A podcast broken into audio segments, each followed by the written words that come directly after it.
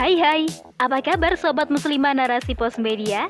Di rubrik syiar kali ini, kita akan membahas tentang naskah yang berjudul Hawariyun Nabi Zubair bin Awam oleh Diadwi Arista.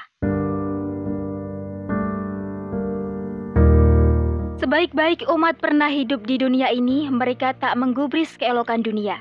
Mereka lebih tertarik dengan kemegahan akhirat. Mereka sadar dengan sepenuh hati jika dunia hanya tempat singgah yang fana, sedang akhiratlah tempat kembali dengan keabadiannya. Dunia bagi mereka hanyalah persinggahan, namun rumah sebenarnya berada setelah kematian. Merekalah para sahabat Nabi. Di tengah-tengah mereka, Nabi hidup dan berjuang. Agama ini tak akan tersebar luas andaikan mereka bukanlah orang yang setia. Setia dalam suka dan duka bersama membangun sebuah peradaban mulia. Tubuh mereka lah yang menjadi tameng hidup Nabi dalam setiap pertempuran. Namun, salah seorang sahabat mendapat gelar kehormatan dari sang baginda sebagai seorang hawariyun atau penolong Nabi. Imam Bukhari meriwayatkan sebuah hadis yang berbunyi, setiap Nabi itu punya seorang hawariyun atau penolong. Penolongku adalah Az-Zubair. Masya Allah, begitu indah ketika sebuah nama masuk dalam sebutan Nabi. Apalagi dengan pujian.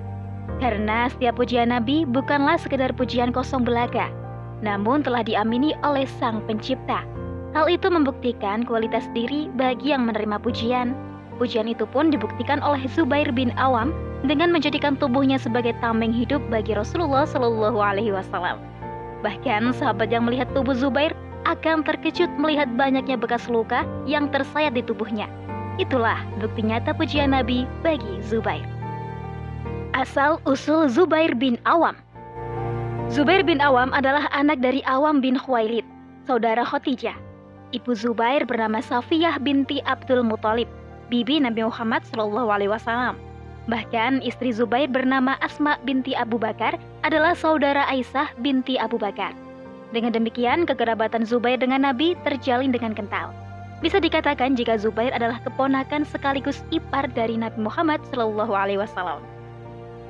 Zubair memperoleh keislaman dalam usia muda, ketika berumur 15 tahun. Ia mendapat hidayah setelah mendengar dakwah Abu Bakar As-Siddiq. Melalui Abu Bakarlah Zubair menerima keislamannya dan menjadi asabikunal awalun atau orang-orang yang pertama masuk Islam. Sepak terjang Az-Zubair Sebagaimana sahabat lainnya, ketika Zubair masuk Islam, pertentangan dan penyiksaan juga tak menghindar darinya.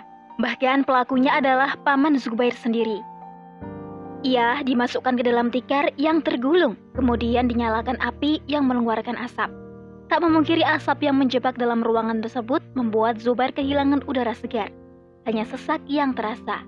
Namun dalam keadaan seperti itu, ia tetap teguh memegang Islam sebagai agamanya.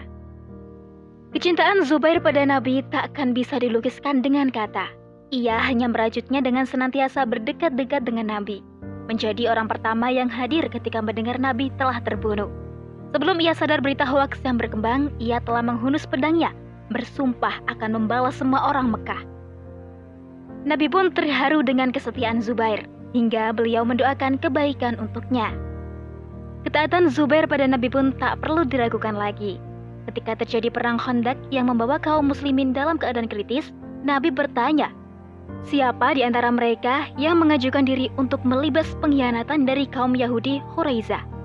Dan Azubairlah yang menjadi sahabat pertama yang pergi untuk menjawab pertanyaan Nabi dan kembali dengan menggenggam kemenangan dari Bani Khuraisah. Pengorbanan Zubair dalam menggadaikan nyawanya demi Islam tak sampai di sana saja. Ia yang merupakan seorang pedagang sukses tak jarang menginfakkan ribuan dinar untuk kepentingan kaum muslimin. Dalam buku kisah-kisah terpuji Asmaul Husna, salah seorang sahabat berkata, Zubair memiliki seribu macam kekayaan yang digunakannya untuk berdakwah namun tidak ada satu dirham pun yang masuk ke rumahnya. Bahkan ketika ia wafat masih menyisakan utang. Zubair merupakan orang yang amanah, hingga rumahnya menjadi penitipan harta orang lain. Namun ia menganggap semua titipan itu adalah utang. Sebuah titipan yang hilang, maka bukan tanggung jawab bagi yang tertitipi. Namun hal ini tak berlaku bagi Az-Zubair, sebab ia menganggap titipan adalah utang maka hilang atau tidak harta titipan tersebut, ia selalu menggantinya. Maka tak heran ketika Zubair wafat masih menanggung utang. tetangga Rasul di surga. Segala pengorbanannya telah menunjukkan kualitas keimanan dan kemuliaan seorang Zubair bin Awam, hingga ia mendapat jatah bertetangga dengan Rasul di surga nanti. Dalam hadis yang diriwayatkan oleh Imam Tirmizi, beliau bersabda, Tolha dan Zubair keduanya adalah tetanggaku di surga. Masya Allah, sebuah anugerah yang luar biasa bisa berkumpul bersama Rasulullah di dunia maupun di akhirat. Demikianlah kualitas para sahabat Nabi bersama mereka dakwah dimulai dari bersembunyi hingga terang-terangan dari segala canda, tangis, syukur, hingga kesulitan-kesulitan yang kerap mereka hadapi.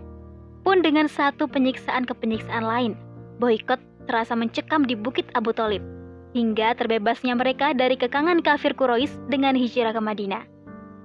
Pengorbanan mereka pun terganjar dengan surga. Bahkan sepuluh sahabat mendapatkan jaminan tanpa hisap, surga tempat kembalinya. Inilah sabda Nabi sebagai tiket emas menuju tempat kembali Abu Bakar di surga, Umar di surga, Utsman di surga, Ali di surga, Tolha di surga, Az-Zubair di surga, Abdurrahman di surga, Sa'ad bin Abi Waqqaf juga di surga, Said bin Zaid di surga, dan Abu Ubaidah bin Zara di surga. Hadis riwayat Tirmizi nomor 3747. Wallahu alam bisawab. Masya Allah, gimana sob? Makin bertambah-tambah ya rasa keimanan kita setelah mendengar para sahabat Nabi yang begitu luar biasa pengorbanannya untuk Islam. Sampai-sampai Allah balas surga tanpa hisap. Semoga kelak kita semua dapat berkumpul di surganya ya. Amin. Oke, saya Dewi Fitriana. Sampai jumpa di rubrik siar selanjutnya. Bye-bye.